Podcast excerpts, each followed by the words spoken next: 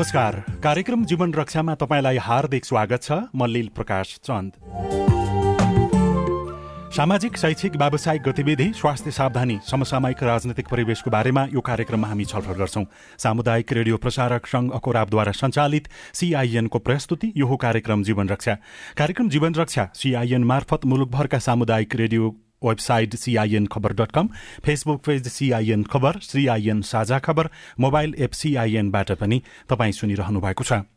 आजको कार्यक्रम जीवन रक्षामा हामी आगामी आगामी मङ्सिर चारको निर्वाचन आचार संहिता कार्यान्वयनमा गरिएको कडाई र यसले पार्ने प्रभावका बारेमा छलफल गर्दैछौँ। यसबारेमा तपाईँको पनि कुनै विचार वा जिज्ञासा छ भने हामीलाई अहिले नै फोन गर्न सक्नुहुन्छ। हामीलाई शून्य एक बाहन्न साठी छ सय एकसठीमा अहिले नै फोन गर्नुहोला। तपाईँले कार्यक्रम जीवन रक्षा हाम्रो फेसबुक पेज सिआइएन खबरबाट सुन्दै हुनुहुन्छ भने त्यहाँ कमेन्ट गर्नुभयो भने पनि हामी तपाईँको जिज्ञासा सम्बोधनको प्रयास गर्नेछौँ। हामीलाई फोन गर्ने नम्बर हो। शून्य एक बाहन्न साठी छ सय एकसठी आजको कार्यक्रम जीवन रक्षामा हामी आगामी मङ्सिर चारको निर्वाचन आचार संहिता कार्यान्वयनमा गरिएको कडाई र यसले पार्ने प्रभावका बारेमा छलफल गर्दैछौं। प्रतिनिधि सभा र प्रदेश सभाको चुनाव आउन अब बीस दिन मात्रै बाँकी छ। निर्वाचनलाई भएर हित व्यवस्थित बनाउनका लागि के कस्तो तयारी गरिएको छ हामी सुरुमा यस बारेमा कुराकानी गर्दैछौ। निर्वाचन आयोगका अनुसार एक सय मतदान केन्द्र अपाङ्गता मैत्री रहनेछन्। आगामी निर्वाचनमा आचार संहिता मेच्दै चुनावमा जनप्रतिनिधि नै खटिन थालेको भन्दै निर्वाचन आयोगले आचार संहिता कार्यान्वयनको लागि सजग बनाउँदै आएको छ भने विभिन्न प्रकारका निर्वाचन आचार संहिता उल्लङ्घनका घटना सार्वजनिक भइराखेका छन्। निर्वाचनलाई भयरहित र व्यवस्थित बनाउनको लागि के कस्तो रणनीति अप्नाइएको छ? सुरुमा यसै बारेमा कुराकानीका लागि हामीसँग निर्वाचन आयोगका सहायक प्रवक्ता सूर्य प्रसाद अर्याल टेलिफोन सम्पर्कमा हुनुहुन्छ। अर्यालज्यू स्वागत छ यहाँलाई कार्यक्रम जीवन रक्षामा। हजुर नमस्कार धन्यवाद। के छ अब बिस दिन मात्रै बाँकी रहँदाखेरि निर्वाचनसँग सम्बन्धित तयारी कति पुरा भइसकेको अथवा कति पुरा हुने चरणमा कहाँ गइराखेको छ नि त्यहीबाट अगाडि बढौँ। निर्वाचनको तयारीको कुरा गर्दाखेरिमा तयारी करिब करिब अन्तिम चरणमा पुगेको छ। अन्तिम चरणमा भन्नुको अर्थ निर्वाचन आयोगले निर्वाचनको लागि चाहिने अधिकांश सामग्रीहरू साठी प्रकारभन्दा बढी सामग्रीहरू केन्द्रबाट जिल्लामा पठाउने काम चाहिँ अब करिब अन्तिम चरणमा पुगेको छ। करिब पैँसठीवटा जिल्लामा आजसम्म पुगिसकेको हुनेछ र बाँकी जिल्लाको पनि चाँडै नै हामी जुबानी गर्दैछौँ। त्यसै गरी मतपत्रहरू पनि समानुपातिक निर्वाचन प्रणालीतर्फको मतपत्र करिब सत्तरीवटा जिल्लामा पुगिसकेका छ। बाँकी जिल्लामा पनि हेलिकप्टरबाट पठाउने योजनामा छ। र त्यसै गरी प्रत्यक्षतर्फको मतपत्र साठी प्रतिशतभन्दा बढी छापिसकेर अब केही दिनमा बाँकी सबै छपाइसकेर ती सामग्रीहरू अथवा मतपत्रहरू पनि ढुवानी गर्ने योजनामा छ आयोग त्यसै गरी अब यो कार्यचाप बिस्तारै केन्द्रबाट चाहिँ अब फिल्ड लेभल अथवा जिल्ला स्तरमा चाहिँ सर्न लागेको अनुभव भइरहेको छ। अब सामग्रीहरू जिल्लामा पुगिसकेपछि मतदान केन्द्र अनुसारको रिप्याकिङ गर्ने काम चाहिँ जिल्लामा हुनेछ। त्यसै गरी मतपत्रहरूको पनि रुजु गरेर मतदान केन्द्रगत प्याकेट गरेर त्यसलाई लाछाप लगाएर मतदान अधिकृतलाई बुझाउने काम हुन्छ। र हाम्रा निर्वाचन अधिकृत कार्यालय एक सय पैँसठीवटैबाट मतदान अधिकृत तथा सहायक मतदान अधिकृतहरूको नियुक्ति र तालिमका कामहरूमा अब चाँडै नै सुचारू हुनेछन्। नियुक्ति पश्चात। त्यसै गरी अब आचार संहितामा भएको व्यवस्था बमोजिम औपचारिक आचार संहिता कार्यान्वयन अथवा प्रचार प्रसारको काम चाहिँ अठार गतेबाट यही कार्तिक अठार गतेबाट प्रारम्भ हुनेछ जसमा चाहिँ जुलुस र्याली आमसभा जस्ता कार्यक्रमहरू जाने दल उम्मेदवारले सुरुवात गर्नुहुनेछ। त्यसै गरी आचार संहिता अनुगमनको कार्य पनि अरू तीव्र पारिनेछ र आचार संहिता कार्यान्वयनलाई प्रभावकारी बनाउनको लागि आचार संहिताले विभिन्न खालका अनुगमन संयन्त्रहरूको व्यवस्था गरेका छ जस्तै केन्द्रमा केन्द्रीय आचार संहिता अनुगमन संयन्त्र जिल्लामा चाहिँ जिल्ला स्तरीय आचार संहिता अनुगमन संयन्त्र र यो आचार संहिता अनुगमन संयन्त्र अलिक प्रभावकारी हुने आयोगले विश्वासका साथ नयाँ केही परिमार्जनसहित व्यवस्थित गरेको छ भनेको मतलब मुख्य निर्वाचन अधिकृतको संयोजकत्वमा चाहिँ प्रमुख जिल्ला अधिकारीको सह संयोजकत्वमा यो आचार संहिता जिल्ला स्तरीय आचार संहिता अनुगमन संयन्त्रको गठन गरिएको छ। यसको यो कम्बिनेसनबाट नै यसको प्रभावकारिता अलिक बढी हुन्छ भन्ने आयोगलाई लागेको छ भनेको मतलब कानुनतर्फको कुरा चाहिँ मुख्य निर्वाचन अधिकृतले हेर्नुहुन्छ भने यसको प्रशासनिक पाटो अथवा स्थानीय प्रशासनलाई एकदमै तदारुकताका साथ परिचालन गर्नको लागि प्रमुख जिल्ला अधिकारी सम्बन्धित जिल्लाको प्रमुख जिल्ला अधिकारीलाई हामीले सह संयोजकको रूपमा चाहिँ त्यो संयन्त्र सह संयोजकको रूपमा चाहिँ तोकि तोकेको अवस्था छ। त्यसै गरी अब आचार संहितालाई अरू प्रभावकारी बनाउनुको लागि केन्द्रीय आचार संहिता अनुगमन टोली सूक्ष्म अनुगमनकर्ताका अतिरिक्त चाहिँ प्रत्येक जिल्लामा प्रमुख कोष नियन्त्रकलाई चाहिँ जिल्ला अनुगमन अधिकृतको रूपमा चाहिँ तोकेर अरू थप प्रभावकारी र नियमनलाई अरू बढी प्राथमिकताका साथ चाहिँ आयोगले आचार संहितालाई कार्यान्वयन गर्ने दिशामा चाहिँ त्यसरी विभिन्न निकाय र संयन्त्रहरूको व्यवस्था गरेर यसरी लैजाने व्यवस्था गरेको छ। यहाँले अहिलेसम्म भए गरेको काम कारवाहीको बारेमा जानकारी दिनुभयो। हामी यसबारेमा क्रमैसँग छलफल गर्दै अगाडि बढौँ।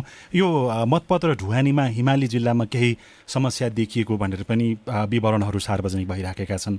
कुन कुन जिल्लामा अलिकति सजिलो कहाँ अप्ठ्यारो जस्तो यहाँ अगाडि भर्खरै पनि हेलिकप्टर मार्फत पनि ढुवानी गर्ने तयारी भइराखेको बताउँदै हुनुहुन्थ्यो। त्यसबारेमा केही छ भन्नुपर्ने कुरा थप। पछिल्लो समय वर्षाको कारणले गर्दाखेरिमा केही जिल्लामा सडक अवरुद्ध हुने पुलहरू भत्किने भएको कारणले गर्दाखेरिमा त्यो समस्या सिर्जना भएको र अनि चाहिँ अब हिमाली जिल्लामा त सडक यातायात नपुगेका जिल्लाहरूमा ठुला ट्रकहरू नपुग्ने भएको कारणले गर्दाखेरिमा हेलिकप्टरबाट लाने भने केही जिल्लामा त सिमी जिल्लालाई मात्र योजना बनाइएको थियो। र तीमध्ये अब हुम्ला र सरी मुगु र जुम्लामा चाहिँ पनि हेलिकप्टरबाट पठाउने भनेकोमा त्यहाँ अलि सडकमा सुधार आएको कारणले गर्दाखेरिमा त्यहाँ ट्रकबाटै पठाइनु भयो। र बाँकी बाँकी कर्णाली अञ्चलका जिल्ला र अनि त्यसपछि मनाङ मुस्ताङ जहाँ अलिकति सडक बिग्रेको छ त्यहाँ चाहिँ हेलिकप्टरबाट पठाउनु पर्ने देखिएको छ।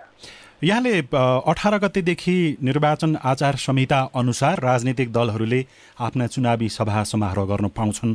त्यसबारेमा पनि बताउनु भयो यद्यपि अहिले नै कतिपय राजनैतिक दलले त्यो गठबन्धनको हिसाबले गरिराखेका सभा समारोह त्यो चुनावी सभा समारोहभन्दा कम देखिँदैनन्। मैले भन्न खोजेको के भने तपाईँहरूले जुन यो मतदाता शिक्षा कार्यक्रम र राजनीतिक दलहरूले चुनावी सभा गर्न पाउने समय एकै दिनदेखि परेछ यो संयोग मात्रै हो कि अथवा यसमा थप मतदाता प्रभावित पर्न सक्ने अथवा उनीहरूले आफ्नो चेतना प्रयोग गर्न सक्ने स्थिति नरहने भएको कारणले त्यही दिनदेखि नै मतदाता शिक्षा कार्यक्रम अगाडि बढाउँदै हुनुहुन्छ। यो यो चाहिँ संयोग नै हो। किनकि अब हामीले अब यो स्थानीय तहहरूको सहयोग र समन्वयमा चाहिँ मतदाता शिक्षा कार्यक्रम सञ्चालन गर्न गइरहेका छौँ। त्यो हिसाबले अब पन्ध्र दिन चाहिँ मतदानको समयभन्दा अगाडिको पन्ध्र दिन चाहिँ परिचालन गर्दाखेरिमा बढी उपयुक्त अथवा मतदाताहरू अलिकति जागरुक हुने चासो पनि दिने देखिया कारणले गर्दाखेरिमा यो समय पर्न गएको हो। तर राजनीतिक दल उम्मेदवारहरू एक किसिमबाट उहाँहरूले मतदाता शिक्षा दिँदै जानुहुन्छ। साथसाथै सही मतदान गर्ने तरिका निष्पक्ष रूपमा हाम्रो मतदाता शिक्षा कार्यकर्ताहरूले पनि त्यही समयमै प्रदान गर्नुहुनेछ। त्यसमा चाहिँ बढी ओभरल्याप भएर कन्फ्युजन हुने भन्दा पनि अरू अरू बढी स्पष्ट हुनेछ भन्ने चाहिँ हामीले ठानेका छौँ। यहाँले जुन यो स्थानीय तहसँगको सहकार्यमा यो मतदाता शिक्षा कार्यक्रम अगाडि बढाउन लागेको भन्नुभयो यस अगाडिको भन्दा यसपालिको त्यो यसको शैली अलिक फरक हुन लागेको हो मतदाता बिल्कुल फरक बिल्कुल फरक यस अर्थमा कि यसको परिचालन सुपरभिजन र अनुगमन चाहिँ स्थानीय तहबाट हुनेछ। किनकि हामीले विगतमा चाहिँ केन्द्रबाटै हामीले मतदाता शिक्षा कार्यक्रम चलाउँदथ्यौँ हाम्रो अनुगमनको पाटो अलिकति कमजोर भएको हो कि भन्ने हामीलाई पनि महसुस भएर कतिपय ठाउँ निष्पक्ष मतदाता शिक्षा नभएको कतिपय तोकिएका मतदाता शिक्षा कार्यकर्ताहरू चाहिँ तोकिएका ठाउँमा नपुग्नु भएको पुरा समय नदिनु भएको भन्ने पनि विभिन्न खालका विगतको मतदाता शिक्षा कार्यक्रममा गुनासो आएको तर अहिले चाहिँ हाम्रो सात सय त्रिपन्नवटा स्थानीय तह र सबै वडा कार्यालयहरू क्रियाशील भएको अवस्थामा चाहिँ वडा कार्यालयले नै आफ्नो मातहतमा रहनुभएका महिला स्वास्थ्य स्वयंसेविका मध्ये अनुभवी जो एसएलसी पास हुनुभएको छ उहाँहरूमध्येबाट नियुक्ति गरेर परिचालन गर्ने र सबैजसो वडा कार्यालयलाई मतदाता शिक्षाको बढी जरुरत भएका निजी कम्युनिटी कुन छ त्यो पनि पहिचान गरेर त्यस ठाउँमा बढी परिचालन गर्दाखेरिमा यो सार्थक होला बढी प्रभावकारी होला भन्ने हामीलाई त्यो पनि लागेको छ। त्यतातर्फ उहाँहरूको ध्यान पनि जानेछ उहाँहरूले चाहिँ अनुगमन पनि नजिकबाट हेर्न गर्न सक्नुहुन्छ। त्यसको परिचालन र अनुगमनको पक्ष पनि अलिक प्रभावकारी हुन सक्ने देखिएको हुनाले विगतको दाँजोमा अहिलेको चाहिँ मतदाता शिक्षा अलिक प्रभावकारी रूपमा अगाडि बढ्ला भन्ने हामीले सोचेका छौँ। साथसाथै आयोगले छपाएर जिल्लामा पठाउनु पर्ने सामग्रीहरू हामीले तिहारभन्दा अगाडि पुर्याइसकेका छौँ। अहिले त स्थानीय तहको केन्द्रमा पुगिसकेका छ सामग्री।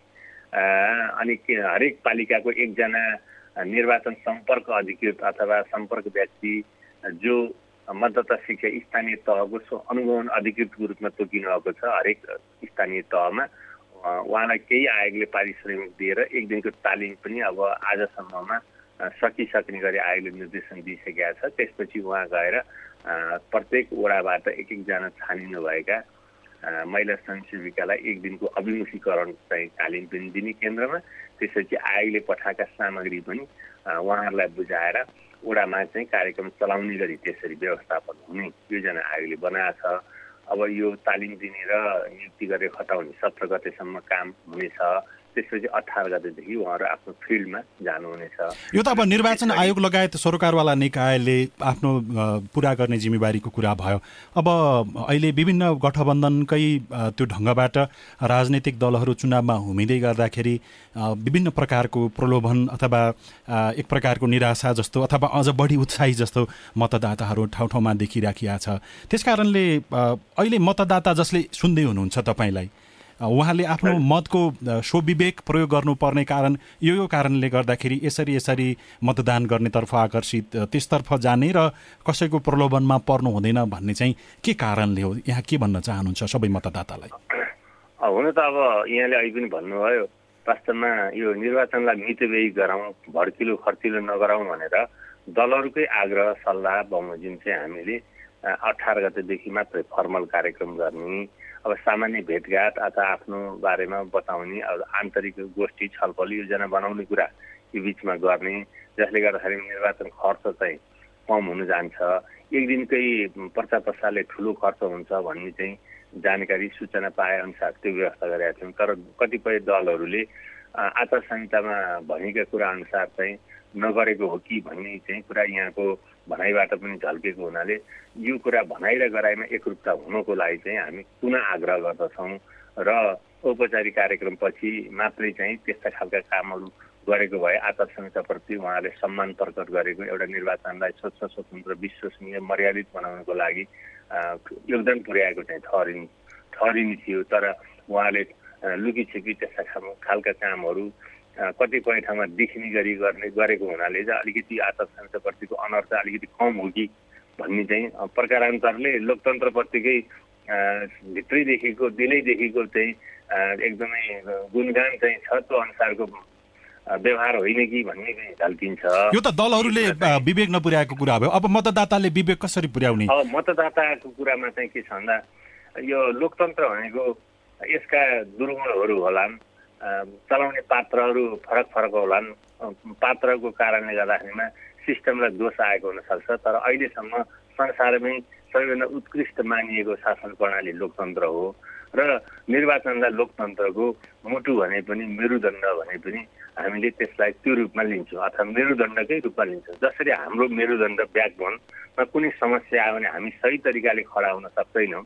त्यसै गरी चाहिँ यो लोकतन्त्रको मेरुदण्डको रूपमा मानिएको यो निर्वाचनमा पनि यदि कहीँ कतैबाट यसलाई चाहिँ यसको स्वास्थ्यमा चाहिँ असर पर्ने गरी गतिविधिहरू भयो भने जस्तै अब प्रचार प्रसारको शैली खर्चिलो भड्किलो हुने मतदातालाई चाहिँ अलिकति अन्डर इस्टिमेट गरेर जे गर्दा पनि प्रभाव पार्न सकिन्छ भन्ने सोच मानसिकताहरू राख्नु र निर्वाचनमा बढी खर्चले गर्दा पछाडिको सुशासनमा पारेको नकारात्मक असरले निर्वाचनप्रति निराशा जगाउने खालका कुराहरूले गर्दाखेरि मतदातामा जुन वितृष्णा उत्पन्न भएको छ मतदाता पनि समयमा सचेत भएर यो आफूलाई प्राप्त राजनीतिक अधिकारलाई सही तरिकाले सदुपयोग गर्ने आफ्ना उम्मेदवारहरू आफूले मत दिने उम्मेदवारको बारेमा न्यूनतम जानकारी राखेर भोलिको डेलिभरी कसबाट राम्रो हुनसक्छ कुन दलबाट हुनसक्छ कुन उम्मेदवारबाट हुनसक्छ हिजो विगत उनले के भनेको थिए के गरे अब उनको चाहिँ विगतको र अहिले देखिएका व्यवहारहरू साँच्चीकै यो लोकतान्त्रिक पद्धति अनुकूल कति छ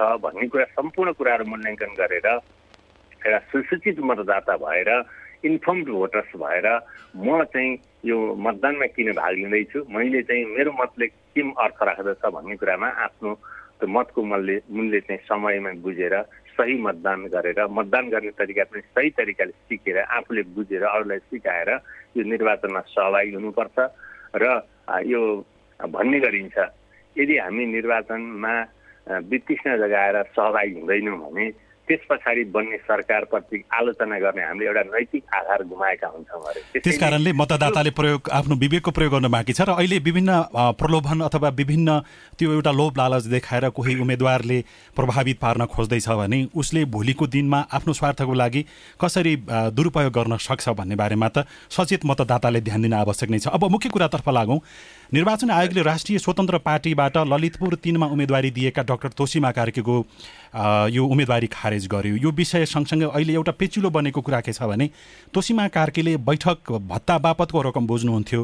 तर अहिले जुन यो पेन्सन खाइराखेका व्यक्ति पनि अथवा बहालमै रहेका व्यक्ति पनि उम्मेद्वार बनेका कारणले यसबारेमा निर्वाचन आयोगले कुनै निर्णय गर्न बाँकी छ कि अथवा त्यतातर्फ कुनै ध्यानै दिँदैन? यसो हजुर। अब यो हाम्रा हाम्रा मौजुदा कानुनहरूले जे भनेको छ त्यो अनुसार चल्ने चल्न हामी सबै बाध्य हुन्छौँ। हाम्रा कानुनले जे निर्देशन दिएको छ अथवा कानुनमा कहीँ अस्पष्टता दुविधा छ भने पनि त्यसै अनुसार चाहिँ प्रयोग गर्दाखेरिमा भएका दुविधालाई परिमार्जन गर्दै जाने हो।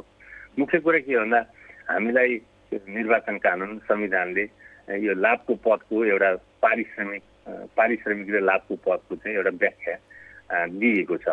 लाभको पद भन्नाले चाहिँ दुईवटा कुरा हुन्छ। एउटा पद जोडिन्छ अर्को चाहिँ सरकारी कोषबाट प्राप्त हुने पारिश्रमिक अथवा सुविधा भन्ने जनाइएको छ। यो त व्याख्याको कुरा भयो। अब किनभने हामीसँग समय त धेरै छैन अरियालज्यू तर मैले जान्न खोजेको समग्र जिज्ञासाको विषय के छ भने जस्तो मन्त्री मन्त्रीहरू पनि बहालमै रहेका मन्त्रीहरू पनि अहिले उम्मेद्वार बनेर मैदानमा छन् र पेन्सन लिइराखेको यो विषयमा चाहिँ आयोगले थप अध्ययन गरेर निर्णय गर्न बाँकी हो कि अथवा त्यतातिर कानुनले नै त्यतातिर आकर्षित नगरेका कारणले तपाईँहरूले थप कुनै निर्णय गर्न परेन? होइन। अहिले चाहिँ उहाँको कुरा चाहिँ संविधानको धारा दुई सय छ्यालिसको उपदफा तिन बमोजिम चाहिँ उहाँको कुरा हो किनकि मनोनयन पत्र स्वीकृत भइसकेको र अनि निर्वाचनको अन्तिम परिणाम आइ नसकेको अवस्थामा कुनै उम्मेद्वारको बारेमा योग्यता प्रश्न उठ्यो भने त्यो क्षेत्राधिकार आयोगलाई छ आयोगलाई दिएको क्षेत्राधिकारको प्रयोग गर्नुपर्ने चाहिँ स्थितिमा आयोग रहेको हुनाले त्यो निर्णय गर्नु परेको हो। अब यदि चाहिँ उम्मेदवारी मनोनयन पत्र स्वीकृत नगरेको बेलामा उहाँको योग्यता सम्बन्धी कुरा आएको भए सम्बन्धित निर्वाचन अधिकृतले गर्नु पर्थ्यो तर तर यहाँनिर त्यो तोसिमा कार्कीको विषयमा त झन्डै दुई महिना अगाडि नै यो खास के हो? निर्क्योल गरी पाउँ म क्लियर भएन अथवा प्रश्न गरिदिनु भनेर उहाँले निवेदन दिनुभएको झन्डै दुई महिना अगाडि। दुई महिना पछाडि निर्णय गर्दाखेरि पनि आयोगको यो निर्णय त विवाद रहित हुन सकेको छैन नि। यसो छ हजुर। अब उम्मेदवार हुने हैसियत त एक करोड उनासी लाख व्यक्तिले नै हैसियत राख्दछन्। भदौ अठाइस जुन कि मनोनयन निर्वाचन कार्यक्रम र मनोनयन दर्ता गर्नुभन्दा पूर्वको अवस्थामा त विभाग कार्की उम्मेद्वार हुने हो कि होइन अथवा अर्को भने एक करोड अस्सी लाखले चाहिँ प्रश्न सोध्न सक्नुहुन्छ। सबैको प्रश्न चाहिँ त्यो आयोगले दिन सक्यो सक्थ्यो सक्दैन थियो त्यो बेला हो होइन त्यो एउटा बहसको कुरो हुन्छ। तर अहिलेको कुरो के हो भन्दा उम्मेदवारी दर्ता भइसकेपछि उम्मेदवारी दर्ता भइसकेपछि जुन निर्वाचन कार्यक्रम भयो त्यसमा चाहिँ दाइबिरको समय थियो त्यो बेला परेन।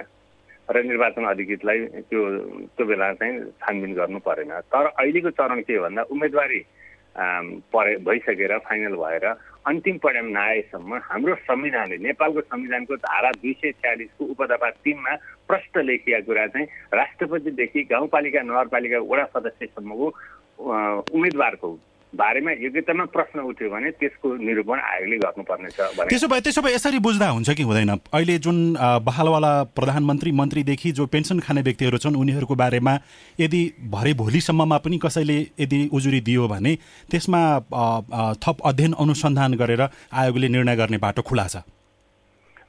यसमा म एउटा कुरा प्रश्न गरौँ कि लाभको पदमा निर्वाचन वा मनोनयनबाट प्राप्त हुने पद भने त्यस हुनाले प्रधानमन्त्री उनीहरूको चाहिँ अब निर्वाचन अथवा मनोनयनबाट आएको पदलाई त्यसलाई उन्मुक्ति दिएको छ एउटा कुरो। र अर्को कुरो के छ भन्दा पेन्सनरहरूको कुरा छ जहाँ छ उहाँहरू पदमा हुनुहुन्छ। पेन्सनरहरू त पदविहीन हो तर उहाँले लाभ लिइराखेको कुरा त फेरि हो नि दुईवटा कुरा लाभको पद। पद पनि हुनु पर्यो लाभ पनि हुनु पर्यो कि दुईवटा कुरा। दुईवटा कुरा नभइकन त्यो अर्थ नखुल्ने भएको हुनाले लाभ मात्रै भएर पनि भएन पद मात्रै भएर पनि भएन लाभ र पद दुइटै कुराहरू हुनु अर्यालज्यू एकैछिन यहाँलाई म रोक्दै हामीसँग सुशासनको क्षेत्रमा क्रियाशील गोगो फाउन्डेसनमा आबद्ध केदार खड्का टेलिफोन सम्पर्कमा हुनुहुन्छ। उहाँको थोरै विचार लिन्छौँ त्यसपछि तपाईँको विचार सुनेर हामी बिदा माग्छौँ। खड्काज्यू स्वागत छ कार्यक्रम जीवन रक्षामा यहाँलाई। धन्यवाद हामीसँग निर्वाचन आयोगका सहायक प्रवक्ता सूर्यप्रसाद अर्यालजी हुनुहुन्छ कि पछिल्लो समयमा निर्वाचन आयोगले आचार संहितामा कडाई गरेको देख्दाखेरि निर्वाचन आयोग पनि अलिकति शक्तिशाली थप तुल विगतको अरू निर्वाचनको तुलनामा शक्तिशाली बनेको हो कि जस्तो पनि देखिन्छ र यद्यपि केही अभिव्यक्ति स्वतन्त्रतासँग जोडेर केही कुरा आइराखेको छ। अर्यालजुलाई यहाँले भन्नुपर्ने छोटकरी कुरा अथवा सोध्नुपर्ने कुरा केही छ भने राखौँ। त्यसपछि फेरि यहाँसँग कुरा कुराकानीलाई अगाडि बढाउँला। होइन यहाँले ठिकै भन्नुभयो कि निर्वाचन आयोग पछिल्लो निर्वाचनहरूमा यो आचार संहिता लागू गर्ने काममा र आचार संहितालाई चुस्त बनाउने काममा अलिकति अगाडि नै बढेको देखिन्छ। यो स्वागत योग्य कुरा हो। तर यो अगाडि बढ्दै गर्दाखेरि निर्वाचन आयोगले पछिल्लो पटक गरेको नो नट एगेनको जुन अभियान छ यो अभियानमाथि जुन ढङ्गले रोक्ने काम भयो यो यो चाहिँ नगरिदिएको भयो भए हुन्थ्यो भन्ने लाग्छ। किनभने यसलाई रोक्दाखेरि रोक्दाखेरि निर्वाचन आचार संहिता विपरीत र विरुद्ध जान्छ भने त फेरि यसलाई रोक्नु नै पर्ने त्यो आचार संहिता अनुसार जान जरुरी त्यो जान जान जान जान्छ भन्ने छैन। किनभने नागरिकहरूले स्वतन्त्र अभियान गर्न पाउँछन्। र उनीहरूको एउटै मात्रै माग छ कि जुन हामीले प्रतिनिधिहरू निर्वाचित गरेर पठायौँ उनीहरूले पठाएका मान्छेहरूले राम्रो काम गर्न सकेनन्। उनीहरू पटक पटक त्यही प्रवृत्ति र मान्छेहरू दोहोरिए जसले गर्दाखेरि नागरिकको अपेक्षा अनुसारको काम हुन सकेन। र त्यसलाई चाहिँ हामीले भोट नहालौँ कि भनेर नागरिक तहबाट चलाइएको अभियान हो। र यो अभियानलाई रोक्न जरुरी थिएन र हस्तक्षेप गर्न जरुरी थिएन। निर्वाचन आयोगले योभन्दा अगाडिको स्थानीय तहको निर्वाचनमा पनि त यो कुरा उठ्न सक्थ्यो नि त्यो बेलामा उठ्न नउठ्ने त्यो बेला पनि त आखिरी कतिपय यो अभियानका कारणले कतिपय उम्मेदवारहरूलाई अप्ठ्यारो परेको पनि हुनसक्छ। तर त्यत्रो निर्वाचन हुँदाखेरि चाहिँ कुनै कुरा नउठ्ने तर अहिले चाहिँ एउटा अलिकति ठुल माथिल्लो तहका नेताहरूमाथि केही प्रहार भयो भन्ने ढङ्गले यो यो रोक्नु चाहिँ अलिकति गलत भयो र यो कोर्स करेक्सन हुनुपर्छ। यसरी नागरिकको अभियानलाई रोक्नु हुँदैन। किनभने हाम्रो संविधानले दिएको संविधानको धारा सत्रले अभिव्यक्ति स्वतन्त्रतामा जुन किसिमको एउटा संवैधानिक अधिकार दिएको छ त्यो संवैधानिक अधिकारमाथि अलिकति प्रहार भएको रूपमा हामीले हेरेका छौँ। र त्यो सँगसँगै केही सामाजिक सञ्जाल फेसबुकका केही समूह त्यो ग्रुपलाई पनि अहिले तत्कालको लागि निष्क्रिय बनाउने लगायतका विषयमा त्यो फेसबुक कम्पनीबाट पनि निर्णय भएको भन्ने आइराखेको छ।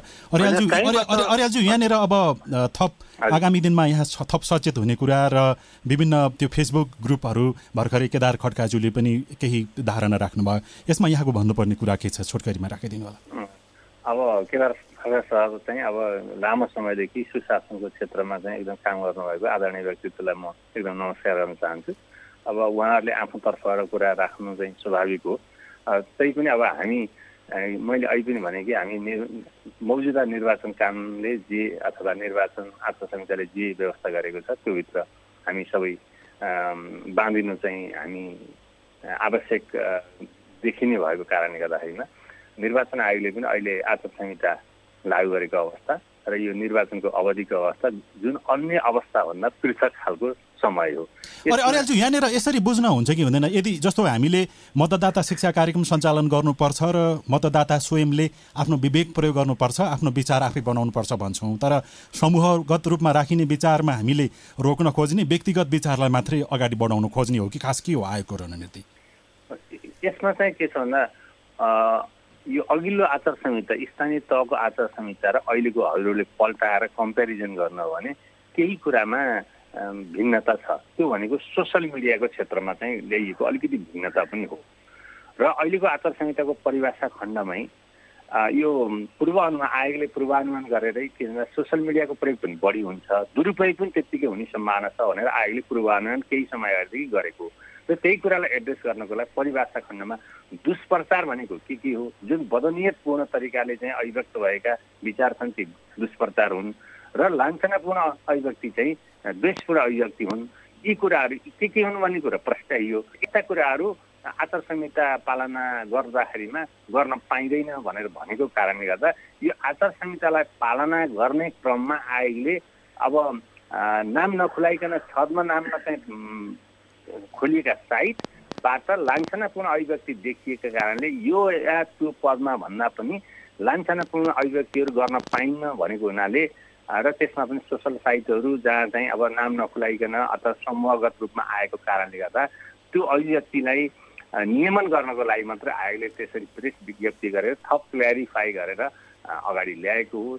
अब यसलाई चाहिँ अन्य अर्थमा अथवा अन्य दृष्टिकोणबाट अभिव्यक्ति स्वतन्त्रतामा हनन भयो अथवा यो अभियानलाई रोकपाट गरियो नगरेको भए हुन्थ्यो भन्ने कुरो एउटा आग्रह होला। तर मौजुदा आचार संहिताले चाहिँ लान्छनापूर्ण अभिव्यक्ति द्वेषपूर्ण अभिव्यक्तिहरू दुष्प्रचारलाई चाहिँ नियन्त्रण नियमन गर्ने भन्ने व्यवस्था गरे बमोजिम आयोगले त्यो कदम चालेको हस् अर्यालजी यहाँलाई धेरै धन्यवाद छ समयको लागि। हजुर यहाँलाई पनि धेरै धेरै धन्यवाद। खड्काज्यू यहाँले जुन अघि भन्नुभयो नि निर्वाचन आयोगले यस्तो गर्नुहुन्थेन भन्ने कुरा अब यो जुन विभिन्न एउटा स्वतन्त्र अभियानहरू सञ्चालन भइराखेका छन् र फेसबुकको पछिल्लो निर्णय हेर्दाखेरि आगामी दिनमा अझ यस्ता कदमहरू चालिने हामी आकलन गर्न सक्छौँ। भविष्यमा के हुन्छ अहिले भन्न सकिन्न।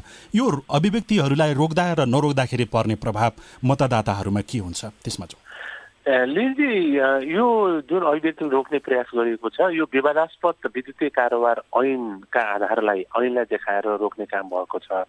जहाँसम्म यहाँले फेसबुक अथवा सोसियल मिडियाहरूले पनि यसलाई रोक्ने काम गरेको छ भन्नुभएको छ निर्वाचन आयोगले यस्ता सोसियल मिडियाहरूसँग पनि सहकार्य र अनुरोध गरेको थियो। त्यो अनुरोध गरेको हुनाले पनि उनीहरूको पनि ध्यान आकर्षण भएको हुनसक्छ। र त्यसको साथै सोसियल मिडियाहरू पनि नेपालमा दर्ता गर्नुपर्ने बाध्यकारी व्यवस्था भएको हुनाले पनि उनीहरू आफ्नो आफ्नो व्यापार र व्यवसायलाई रोकिन्छ कि भन्ने कता कता एउटा डरका कारणले पनि यस्ता कुराहरूलाई उनीहरूले पनि साथ दिएको जस्तो देखिन्छ। तर अन्तत गत्वा यो यो नो नट अभियानले एगेन अभियानले खासै त्यति ठुलो प्रभाव पारेको चाहिँ देखिँदैन। किनभने जुन उम्मेदवार छन् उम्मेदवार मतदातालाई मन पर्दैन भने उनीहरूले विरोध गर्न पाउनुपर्छ। एक त हामीले कल ब्याक सिस्टम हाम्रो नेपालमा कानुन छैन हामीलाई उम्मेदवार मन परेन भने फिर्ता बोलाउने रिकल गर्ने व्यवस्था कानुनमा छैन। र उनीहरू उनीहरूको विरोध पनि तपाईँ बोल्न पनि दिनु हुँदैन र डाक्टर तोसीमा कार्की जस्ता उम्मेदवारलाई दर्ता भइसकेपछि पनि फिर्ता बोलाउने काम भएको छ। विविध झिना मसिना कानुनका आधारहरू देखाएर र कुनै अमुक उम्मेदवारले उजुरी गरेको आधारमा उसको उम्मेदवारीलाई रोक्ने काम भएको छ। यद्यपि उनले आफ्नो कानुनलाई पुरा गर्ने हिसाबले एक महिना अगाडि नै निवेदन दिएको पनि देखिन्छ। र त्यसो गर्दा गर्दै पनि आयोगले अलिकति बढी नै प्रहार गरेको हो कि बढी नै अनुशासनका नाममा चाहिँ कारवाही गर्न खोजेको हो कि भन्ने देखिन्छ। अब त्यसो भए त्यसो भए मतदाता यो एउटा अभियान अथवा एउटा समूह रोक्दैमा अहिलेको नागरिकमाथिको सचेतना त्यत्तिकैमै रोकिन्छ कि अथवा अरू ढङ्गबाट प्रकट हुन सक्छ? त्यो रोकिँदैन किनभने विस्फोट हुन्छ। एकातिर तपाईँ रोक्दै जानुभयो भने अर्कोतिरबाट विस्फोट हुन्छ। अहिले पनि कहाँ रोकिएको छ र नो नट अभियान अहिले रोकिएको छ र केही मान्छेहरूलाई तर्साउने काम भयो होला। तर अब समग्रमा नागरिकहरू त झन् यसबाट उत्तेजित भएका छन् झन् त्यसलाई चाहिँ रिपोस्ट र पोस्ट गरिरहेका छन्। तपाईँ कतिजनालाई कारवाही गर्नुहुन्छ? विगतमा त भन्यो कुनै समूहगत रूपमा यसलाई प्रमोट गरियो त्यस कारण हामीले नियन्त्रण गर्न खोजेको त्यसमा चाहिँ हामीले फेसबुकले पनि साथ दियो भनेर भन्न सकिएला। तर यो त नागरिक स्वतन्त्रताको कुरा संवैधानिक अधिकारको कुरा भएको हुनाले नागरिकले त काहीँ न काहीँबाट त्यसको अभिव्यक्तिको पुष्टि त गर्छ त्यसको निकास त दिन्छ भने त्यो दिनै रहेको छ झन् यसले यसले चाहिँ नेगेटिभ प्रभाव पर्यो। किनभने म आफै पनि निर्वाचनसँग सम्बन्धित निर्वाचित स्वच्छता हुनुपर्छ त्यसको चाहिँ पर्यवेक्षणमा पनि संलग्न हुँदै आएको हुनाले पनि यस्तो अभियानलाई रोक्नु हुँदैन भन्ने मेरो दृष्टिकोण चाहिँ योभन्दा अगाडि पनि राख्दै आएको हो र अहिले पनि चाहिँ म राख्छु। किनभने बिस्तारै बिस्तारै निर्वाचन आयोगले एउटा अझै पनि हामीले निर्वाचन आयोगलाई धन्यवाद दिनुपर्छ। योभन्दा अगाडिका चुनावहरूलाई स्थानीय चुनावलाई राम्रैसँग गरेको हामीले राम्रै रूपमा हेरेका थियौँ।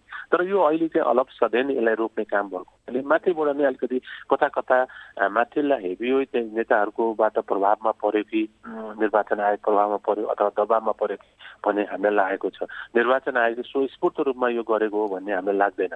यो काहीँ न काहीँबाट दबाव परेको छ र त्यो दबावलाई थ्याक्न नसकेपछि निर्वाचन आयोगले नो नट चाहिँ यसरी बन्देज लगाउन खोजेको रूपमा हामीले हेरेका छौँ। त्यसलाई सकारात्मक सन्देश गइरहेको छैन।